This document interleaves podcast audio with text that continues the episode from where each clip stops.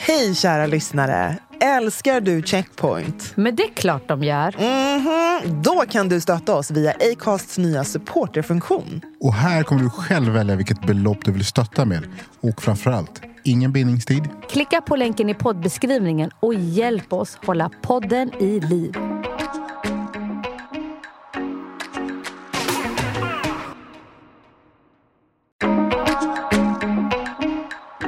Ser man det här, alltså ser man det här som ett strukturellt fenomen och tittar på hur saker är uppbyggda.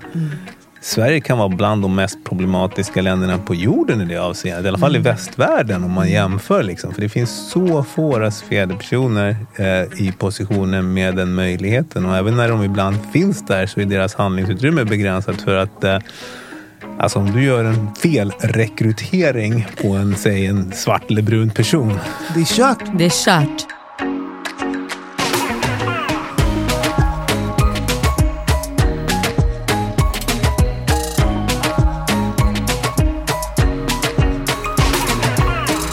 Välkomna till Checkpoint, ett safe space i poddformat där vi pratar om allt ifrån politik, populärkultur, karriär, kreativitet, you name it. Men kruxet är att det är ur ett svart perspektiv. Där våra obekväma samtal blir väldigt bekväma utifrån våra härliga röster. Verkligen. Oftast med tunga gäster som droppar sanningar. Men vi finns alltid här. Your girl Anbara. Med mig Brandon. Och med mig, Nicole. If you're struggling to lose weight, you've probably heard about weight loss medications like Wigovi or Zepbound, and you might be wondering if they're right for you. Meet PlushCare, a leading telehealth provider with doctors who are there for you day and night to partner with you in your weight loss journey. If you qualify, they can safely prescribe you medication from the comfort of your own home. To get started, visit plushcare.com slash weight loss. That's plushcare.com slash weight loss. plushcare.com slash weight loss.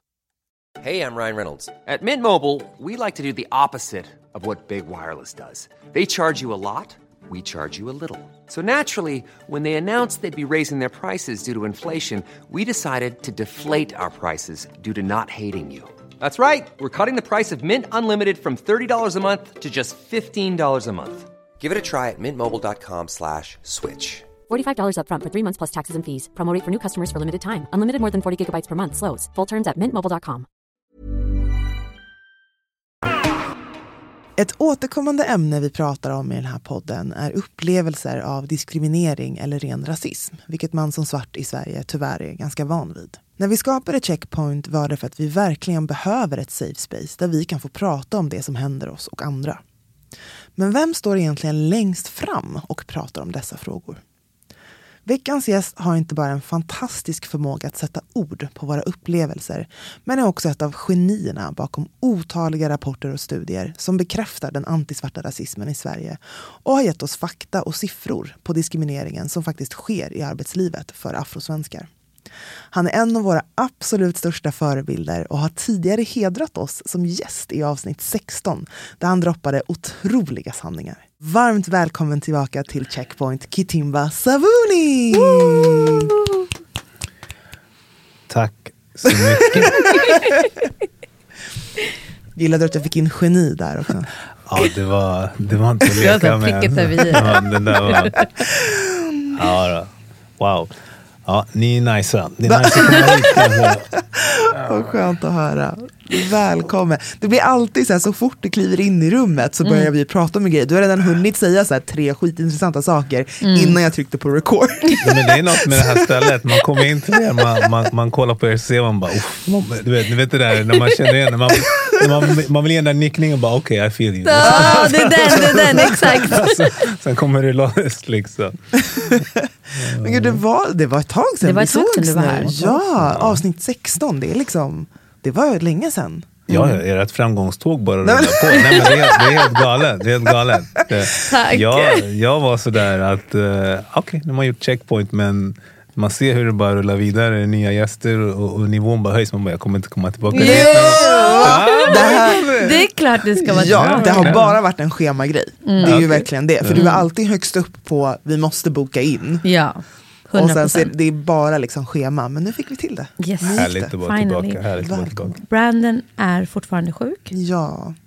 Så nu är vi, Vi skickar ännu här. mer, kan alla bara, när ni gör er morgonmeditation med era kristaller, as Exakt. you do, skicka lite krya tankar Till Brandon. till Brandon och alla andra som är sjuka. Alla Ja. är sjuka. Mm. Verkligen. Krya på er. Ja, be careful guys. Men vad har hänt sen sist Kitty? Det har ju släppts ytterligare en rapport. Ja, det har släppts ytterligare en rapport på Länsstyrelsen i Stockholm där jag arbetar.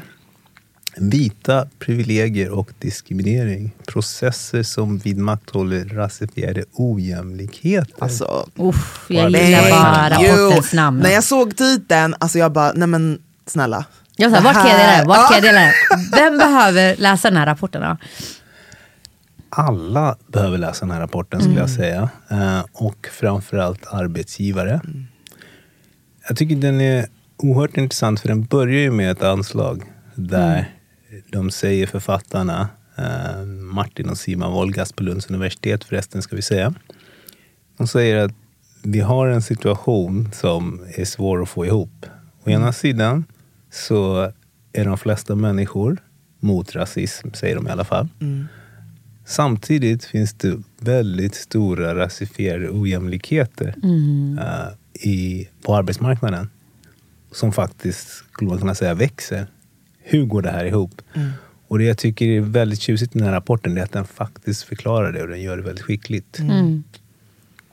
Nej, jag tycker det var, alltså delvis var jag så här, oh this is a mouthful for some. Alltså när jag såg titeln, jag var så här, oj oj oj, det här är ju precis det vi vill prata om. Men det känns som att det är ganska mycket som har hänt. Alltså tänk, det är som att vi har gått så många år framåt sen BLM förra året. Det gick inte så här fort innan det. Så delvis det, men också som att det liksom, och framförallt ja, men liksom Nasse här var här och pratade om sin bok, vad jag pratade om när jag pratade om rasism. Det här känns, den här rapporten är så här, let's go, nu, nu har vi höjt det till Exakt. den nivån där vi Ja. borde vara. Det är det här vi verkligen borde prata om. Eh, den riktiga elefanten i rummet. Att säga, ja, ja, ni säger att ni inte är rasister, ni älskar mångfald, shoobidoobidoo.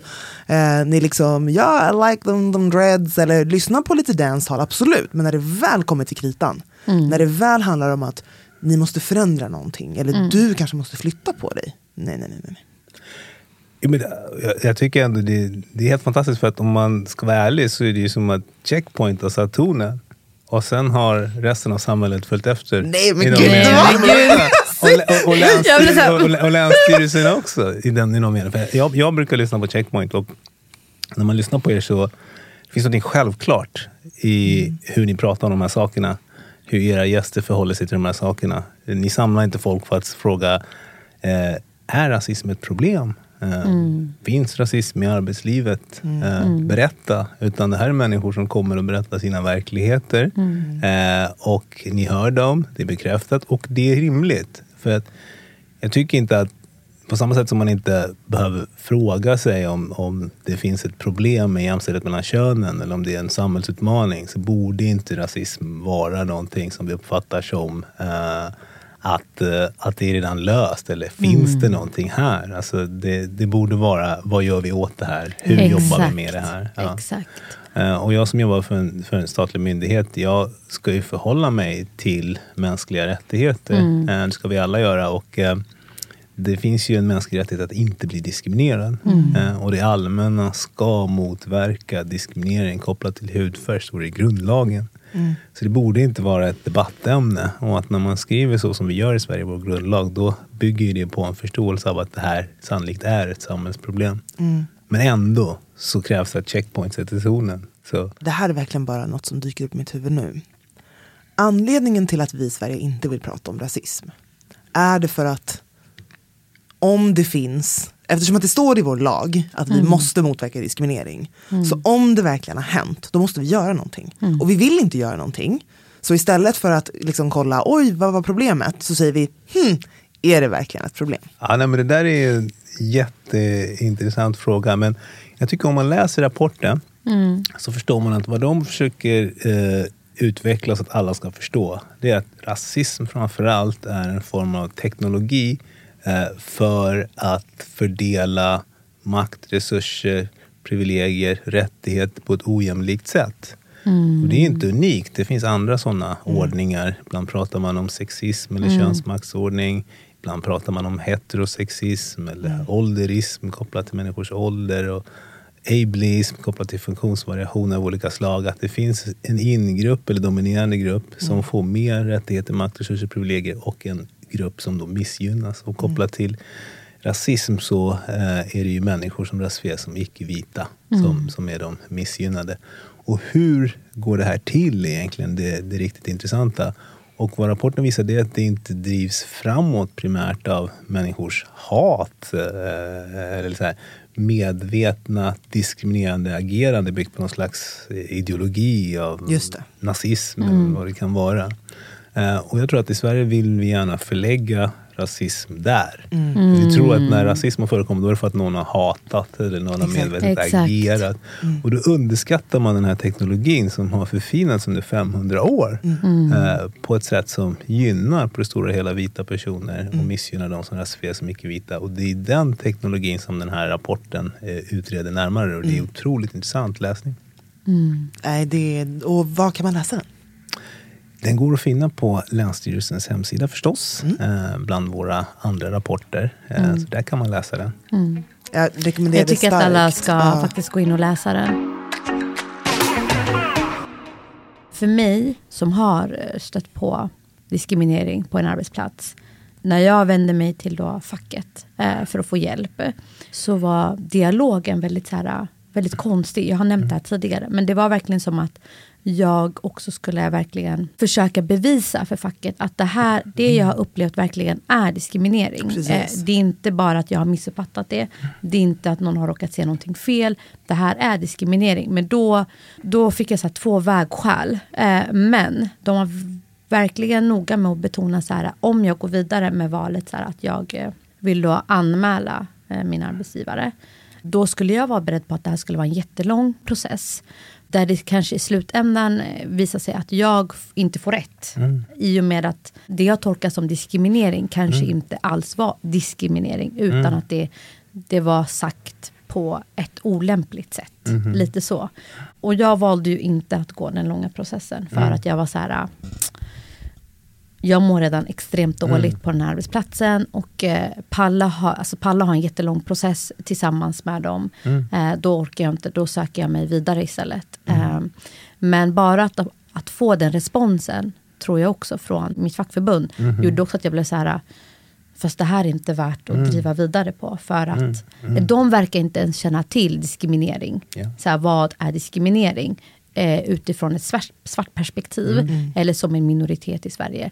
Vilket också gjorde, gjorde det obvious för mig att om de inte förstår så kan de knappast stötta mig på det sättet som jag behöver. I den här rapporten så lyfts faktiskt fram att personer som påtalar rasism på sina arbetsplatser, erfarenheter av att diskrimineras kopplat till hudfärg och så vidare, att de ofta utsätts i en andra vända av omgivningen eh, som ifrågasätter deras erfarenheter eller överhuvudtaget bara att de möts med olika typer av negativa reaktioner eh, som gör att man utsätts en andra gång, kanske till och med värre än första gången. Jag tycker att det du beskriver påminner om det. Sen är det så här också att när man eh, har erfarenheter av att utsättas för diskriminering eh, så finns det ett diskrimineringsförbud i lagstiftningen. Men det finns också en slags, ett slags rättssäkerhetsaspekt till det där som man vill lägga stor tonvikt vid.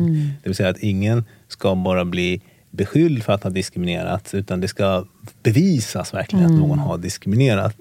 Eh, och då finns det vissa då kriterier för det, för att det ska vara, rekvisiten ska vara uppfyllda. Problemet är bara att diskriminering i den meningen är oerhört svårt att bevisa. Vi har sett väldigt få fall av etnisk diskriminering som eh, anmäls på en arbetsplats, leder någonstans vidare, eh, går vidare till domstol eller förlikning av något slag. Just för att det typiskt är så svårt att bevisa. Det finns ju två former av diskriminering. Där direkt diskriminering där man liksom behandlar någon sämre än man Just hade gjort med någon annan i samma situation. Eller indirekt diskriminering, kanske när man har något regelverk eller något som påverkar olika grupper olika på sätt som kan kopplas till diskrimineringsgrund och då eh, på osakliga sätt och så får man inte göra så. Men det där är i alla fall väldigt svåra saker att bevisa. Och det är därför det finns det här kravet istället på att man ska jobba med aktiva åtgärder. För att om man vill komma åt det faktum att till exempel människor som oss, svarta personer, när vi har treårig högskoleutbildning, Mm. även när vi är födda i Sverige, så tjänar vita svenskar i genomsnitt 50 procent mer än oss Mm. som grupp. Det kommer man inte komma åt med det här diskrimineringsförbudet. du, du kommer inte kunna bevisa hur det där försiggår på varje enskild organisation. För Mm. det är ett strukturellt problem. Eh, och den där strukturella aspekten av diskriminering tycker jag inte man har tagit tillräckligt allvar för man har inte jobbat så bra med de aktiva åtgärderna heller. Men det är just den där nyanseringen som kan bli så himla svår. Jag tycker att vi såg precis samma, alltså om man kollar strukturellt så är det ju samma problematik som metoo-rörelsen ville lyfta. Att just den här bevisbördan ligger alltid på offret. Eh, du blir oftast väl extremt förminskad eller som du säger, det blir negativ eh, omgivningen får en negativ reaktion på dig när du berättar. Ja. Eller försöker att Har berätta du om vad inte som har hänt. missuppfattat situationen? Precis, så att du blir liksom utsatt en andra gång. Mm. Och framförallt om du ens försöker anmäla så är det, alltså ration på att någonting ens händer, den är minimal. Mm. Så att det blir liksom samma strukturella problem, det är precis samma sak Mm. ehm, när du blir eh, diskriminerad eller utsatt på grund av din hudfärg. Men jag läste om, en, jag läste om det här idag, det var så fruktansvärt. Det var ett fall i USA där en liten tjej gick i skolan, hon var den enda svarta tjejen i, i klassen. Eh, jag tror hon gick i femman, hur gammal är man då? 11 typ. Ja. Och hon hade även em, autism.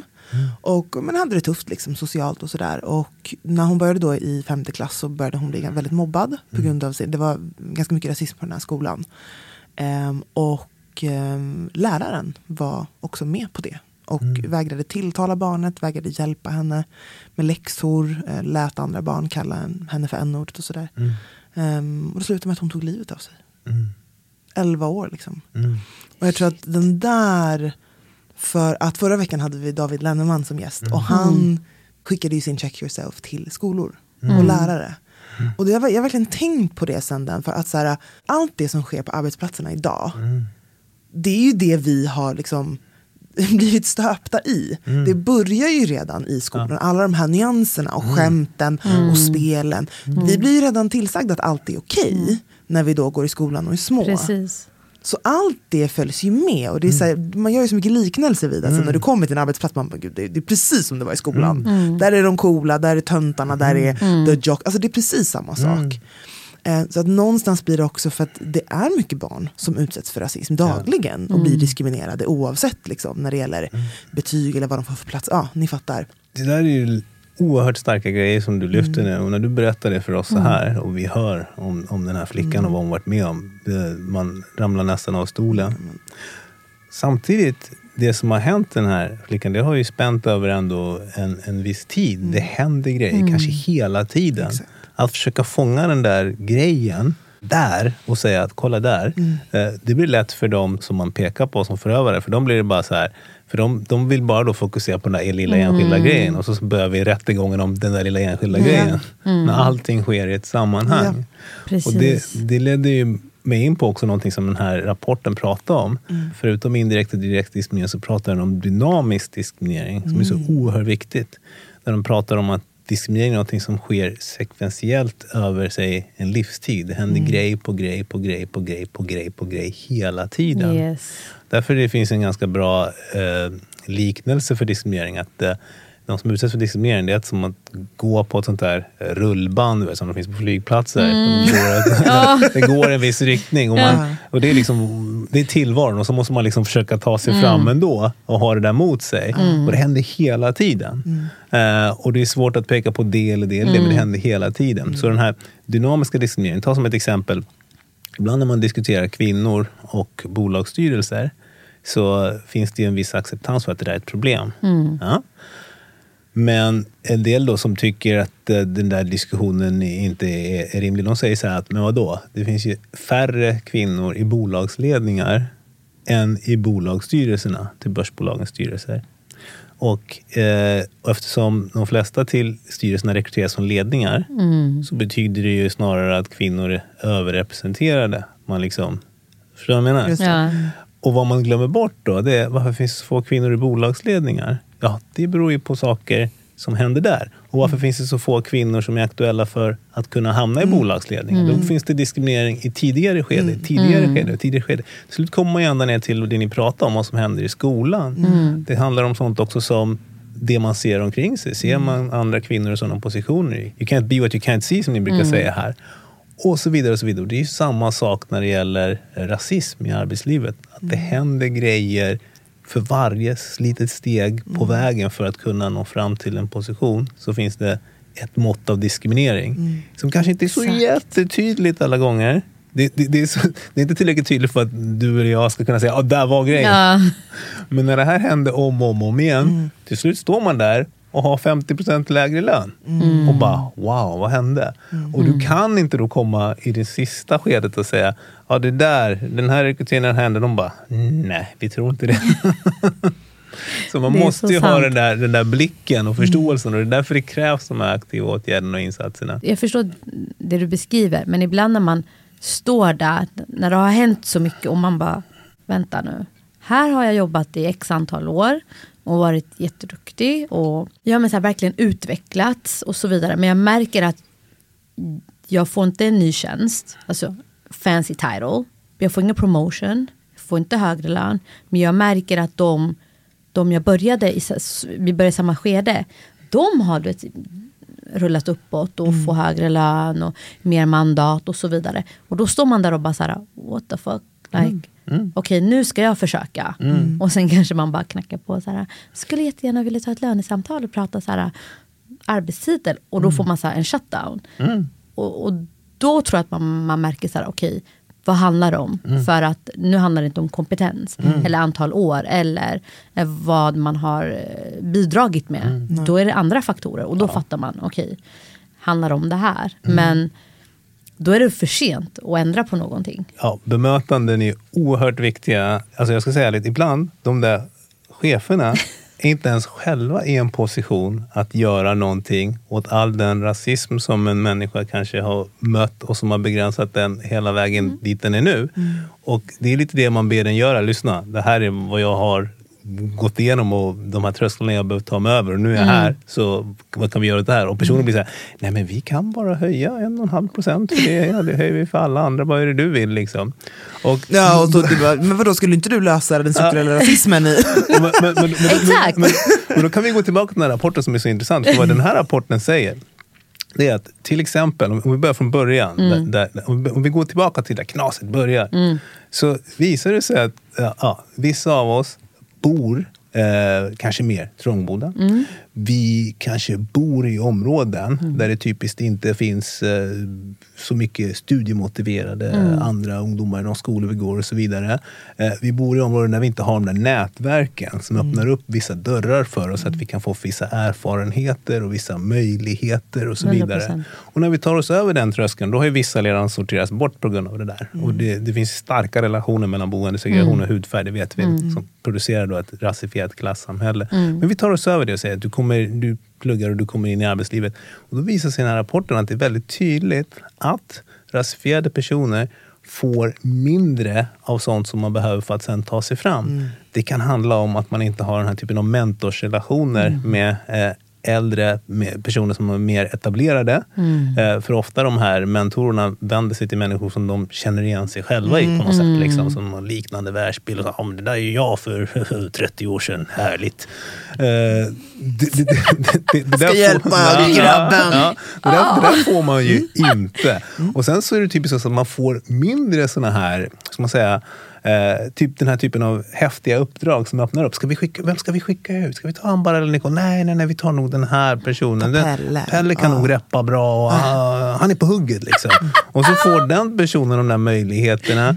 Och helt plötsligt så blir det Pelle som blir sen då på, på tal om, ska vi ha en ny enhetschef? Han har visat Pelle, han har visat framfötterna. framfötterna. Ja. He's Ja. the poster boy. Tycker att Ja. Amber är väldigt tystlåten. Hon har inte visat att hon är redo för det här. Och, där, så, Ja. och, och det här, nu, nu är det inte bara vi som håller på och, och, och snackar, utan det här finns ju väldigt bra dokumenterat och det finns statistik över det här och det visar sig i rapporten och det är mycket levda erfarenheter. Men allt det här sker och sen till slut när man då ska ha den här chefen eller löneförhöjningen, då är ju personen redan, redan borta ur matchen. Liksom. Eh, och du kan ha haft lika mycket talang och ambition som någon annan och om någon gav dig en möjlighet, till skillnad från Pelle, som då har fått göra alla de här grejerna, eller du fick göra några grejerna, eller du fick chansen att pröva på någonting. Mm. Liksom. Och sen så kanske du skulle slå Pelle med hästlängder. Ja. Men det får du aldrig göra för de formella meriterna säger att du inte är, har det Pelle har. Exakt. Och alla de där grejerna vi precis nämnde, de fördelas ju inte precis så här rättvist som en bra rekryteringsprocess när folk då pratar vi ska ha en bra rekryteringsprocess, vi ska ha anonyma ansökningsförfarande och vi ska göra personlighetstest och intelligenstest och så vidare. Man bara, kom igen. Eh, vi- Fast de vi- där testerna, de Ja, är bias. Ja, det vet vi. Det vet vi. Det vet vi. Men, men, men jag tror inte alla vet det, för Nej. vi har suttit på möten med, med företag som är så här, nu har vi personlighetstester istället. Mm. Eh, och då är det en jätteanonym process. Fast Mm. de här testerna i sig är ju väldigt eh, bias mot vita. Då Mm. blir det ju per automatik ett problem när vi rasifierade ska göra det här testet. Mm. Så jag förstår inte hur man kan tänka att nu har vi en bra process. Nej, nej det, det är självklart. Det, ibland undrar man om det är för att man ska kunna säga att man har en bra process.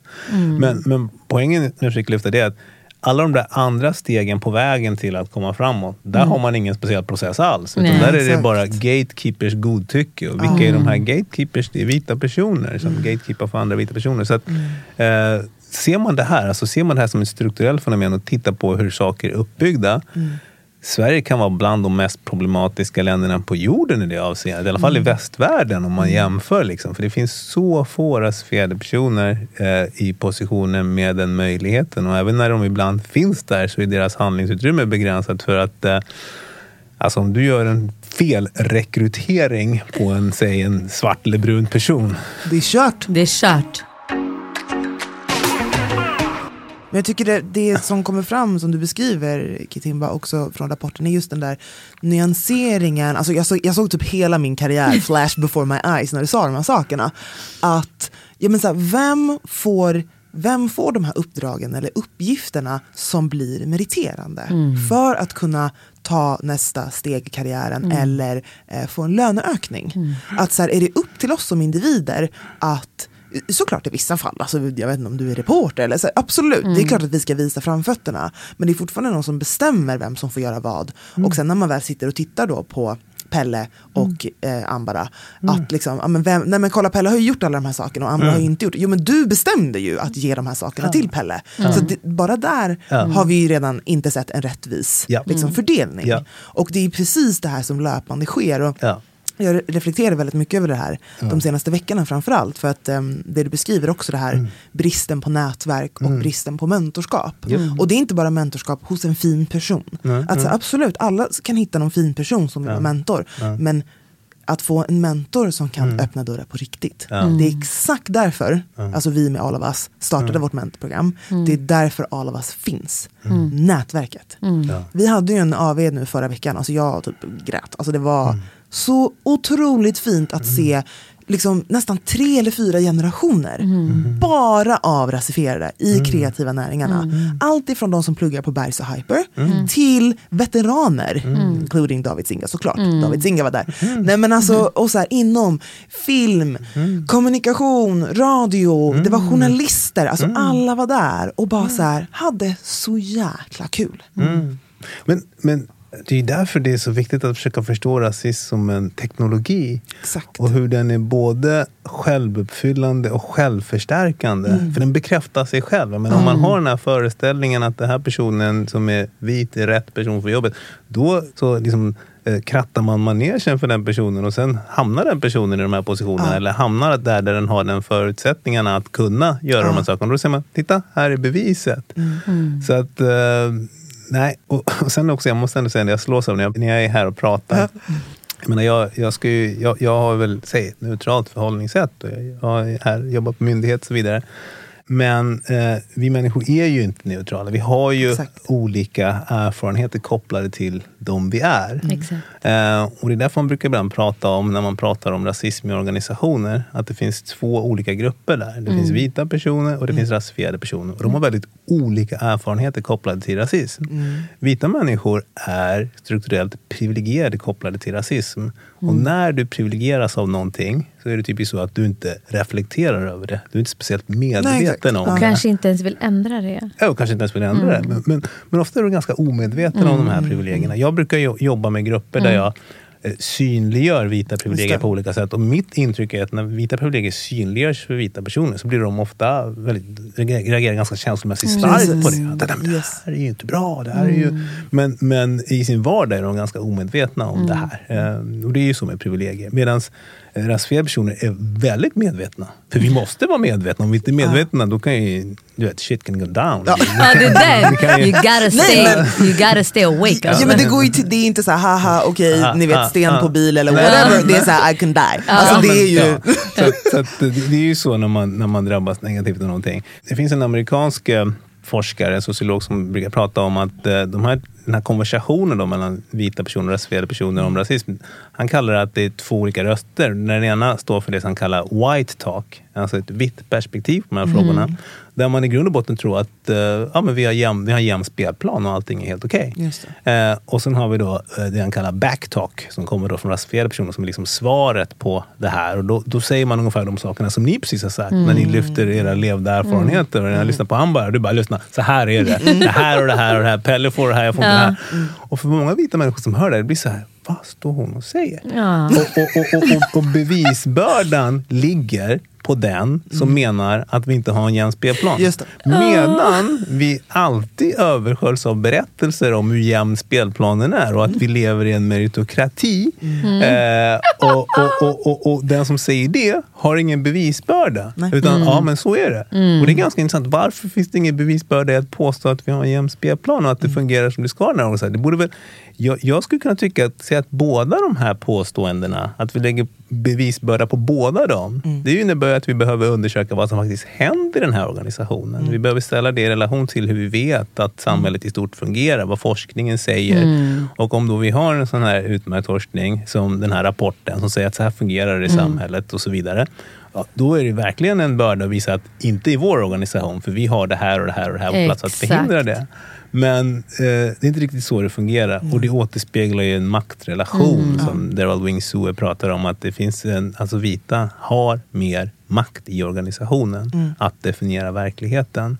Och eh, om man då vill arbeta mot rasism så visar det sig att det är problematiskt. Och det visar den här rapporten också. För det finns ett motstånd ofta från vita personer att arbeta aktivt mot rasism i organisationen, visar det sig.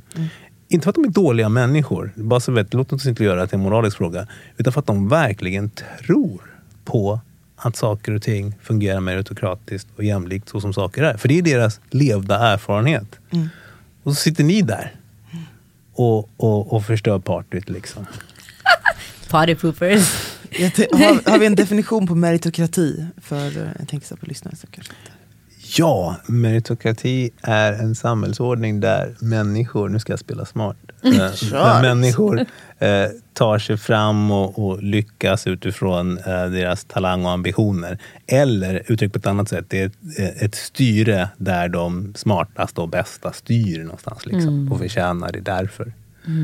Eh, och det var ju den här väldigt intressanta debatten som uppstod. Jag tror att ni också kommenterat den eh, på Dagens Industris Ja, så det var ju då en, eh, en ledare i Dagens Industri eh, Eh, där en eh, kvinna på den redaktionen skrev om just meritokrati, eh, eller hon, hennes eh, tolkning av vad meritokrati betyder. Och hennes tes var då att eh, när vi pratar, det här med mångfald och inkludering för företag är farligt eh, och att arbetet för det är egentligen mot meritokrati, eh, utan att det snarare handlar om kvotering.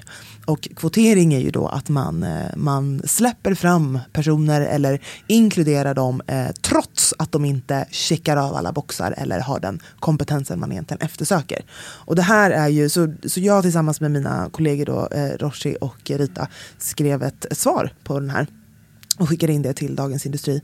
Eh, där vi just svarar på det. För jag, jag tycker att det är så himla farligt att vi fortfarande pratar om, om oss, om svarta, om andra människor med en annan hudfärg eller etnicitet eller religion. Som att vi inte är bra. Men det, det är inte första gången. När rasifierade ska berätta typ så här, "Ah, okej men nu jobbar jag på det här stället. Om det är en vit person som är det så tänker de per automatik kvotering. För vi kan omöjligt vara så jävla grymma att vi på grund av våra meriter och erfarenheter och kompetens har fått den roll vi har. Det måste alltid vara så här, är det kvotering eller Ska vi prata mångfald, vadå ska vi behöva kvotera in? Exakt. Som att det inte finns rasifierade som är grymma på det de gör. Exakt. Och Amber, du nämnde tidigare då så här, men det är viktigt med allierade och framförallt så här, okej om du blir utsatt att ha kanske kollegor eller någon form av stöttning. Det som är ännu viktigare, det är att oavsett vem man är, framförallt om man är vit, du kan, alltså du är en gatekeeper, precis som du sa Kitimba, att så här, du har verkligen makten att make or break someone. Och när jag kollar tillbaks på min karriär, överlag, the ones that made, alltså såklart att jag ska ge credit till mig själv också, men de som gav mig de där uppdragen, de som gav mig uppgifterna som var meriterande, den som tog mig till sidan och sa Nicole, jag ser dig och jag ser att du är den smartaste i hela det här rummet, ta platsen som du förtjänar. Det var en vit man. He's the one who helped me. Alltså det är det. Att så här, du som vit person har den makten. Och det handlar inte bara om att så här, på pappret kan jag ge dig x mer procent. Det handlar om att säga det här till den personen.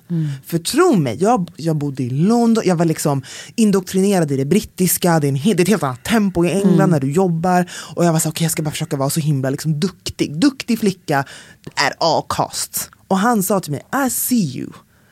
Du är grym, ta platsen, Den där kör. I see jag you backar gör dig. mycket. Ja. Den där I see you. Det var liksom, mycket. han var såhär, nej nej nej, du behöver inte gömma dig bakom. Och jag hade, de flesta av mina kollegor var andra vita män, jättefina, men även där, de var bra. De var såhär, nej men du kan det här, kom, kroka arm, alltså såhär, den. Det spelar ingen roll vilken nivå du är på, du Mm. kan göra det. Och när någon säger till dig, jag, jag ser dig, jag, och jag backar dig, jag kommer stötta dig. Pff, det kan göra allt Mm. Ja. för en person. Ja fan, nej men gud vi kan prata i hundra år. Men eh. Kitty, innan vi går, vad har du på repeat den här veckan? What's on repeat this week? Jag är väldigt old school alltså. Ja. Boom, det gillar vi. väldigt old school. Jag är ledsen att säga. Eh, och eh, jag har inte lämnat 90-talet.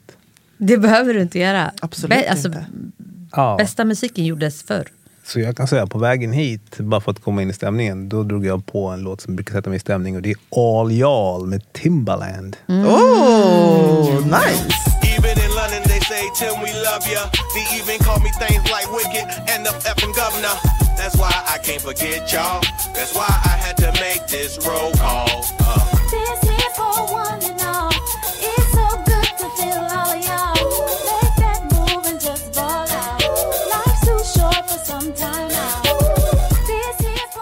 Det var länge sedan. Ja. Repeata! Yeah. Amara. Jag kan bara tipsa om en jättebra skiva. Eh, Summer Walker, Still Over It-skivan.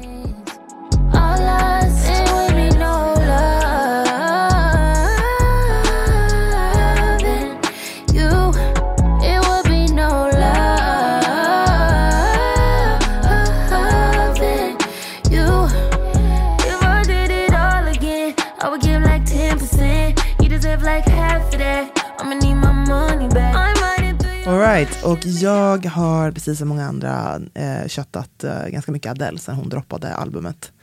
Eh, och en av mina favoritlåtar som jag har kört, det är I Drink Wine. So I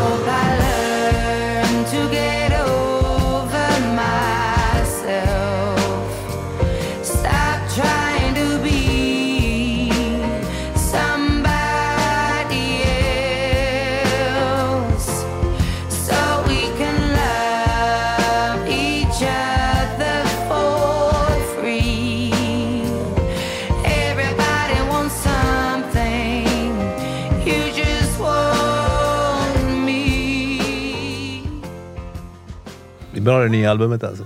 Det är jättebra. Jätte, jättebra. Jag är, ja, hon är ett geni alltså. Love it. Men eh, Kitimba, stort tack. Det är alltid en ära att få ha Verkligen. samtal med dig. Du kommer hit, du är bara, nej men inte bara så här droppa sanningar, men du är, du är så fruktansvärt eh, smart. Mm, verkligen. det, Ja, men, eh, Det jag, är- det här är ett tryggt rum alltså. Ja, vad härligt det, att det, är höra. det. det är väl Nice. det. Det känns att, också eh, så skönt att få någon form av bekräftelse på Exakt Vi kan berätta liksom, Mm. om upplevelser, anekdoter och sen bara bam, fakta säger, bam, rapporter bekräftar att. Man bara men tack. Alltså, Så där vet ni, vi är inte crazy. Nej, verkligen inte. Sluta gaslight. Nej, jag. Nej men det är, ja, det är otroligt och du, eh, som sagt, du har alltid en stående öppen plats här på Checkpoint. 100%. Ja, Jag kommer tillbaka. ja. Och nu sitter du också nära oss. Som jag Exakt, vi sitter grannar. Du kan Liksom. rulla Du kan hit. alltid komma hit. Ja. Och glöm inte att gå in på länsstyrelsen.se eh, och läsa den senaste studien. Och också de andra rapporterna, de är helt fantastiska. Och oavsett vem du är, skicka det till din chef. Ja. Skicka det till ledningen. Visa dina kollegor. Pusha. Och jag ska rekommendera att från och med den 16 december kommer vi lansera allt, alla material som vi har producerat inom ramen för Vidga normen. Projektet där vi arbetar med att stärka arbetet mot rasism Yes. i arbetslivet. De kommer finnas på hemsidan vidganormen.se. Vidganormen.se. ja, från och med 16 december Yes. ligger allt där. Stort tack Kitimba. Tack själv. Hörni gänget, glöm inte att subscriba på podden där du lyssnar på poddar och framförallt betygsätt. Give us them five stars. Five stars. Let everyone know att Checkpoint is here to stay. Och glöm inte att gå in och supporta oss på Acast Support. Följ oss på Instagram, checkpoint understreck podcast. Do it now. Checkpoint! Med mig, Brandon och... Your girl Anbara. Och Nicole. Syns, hej då!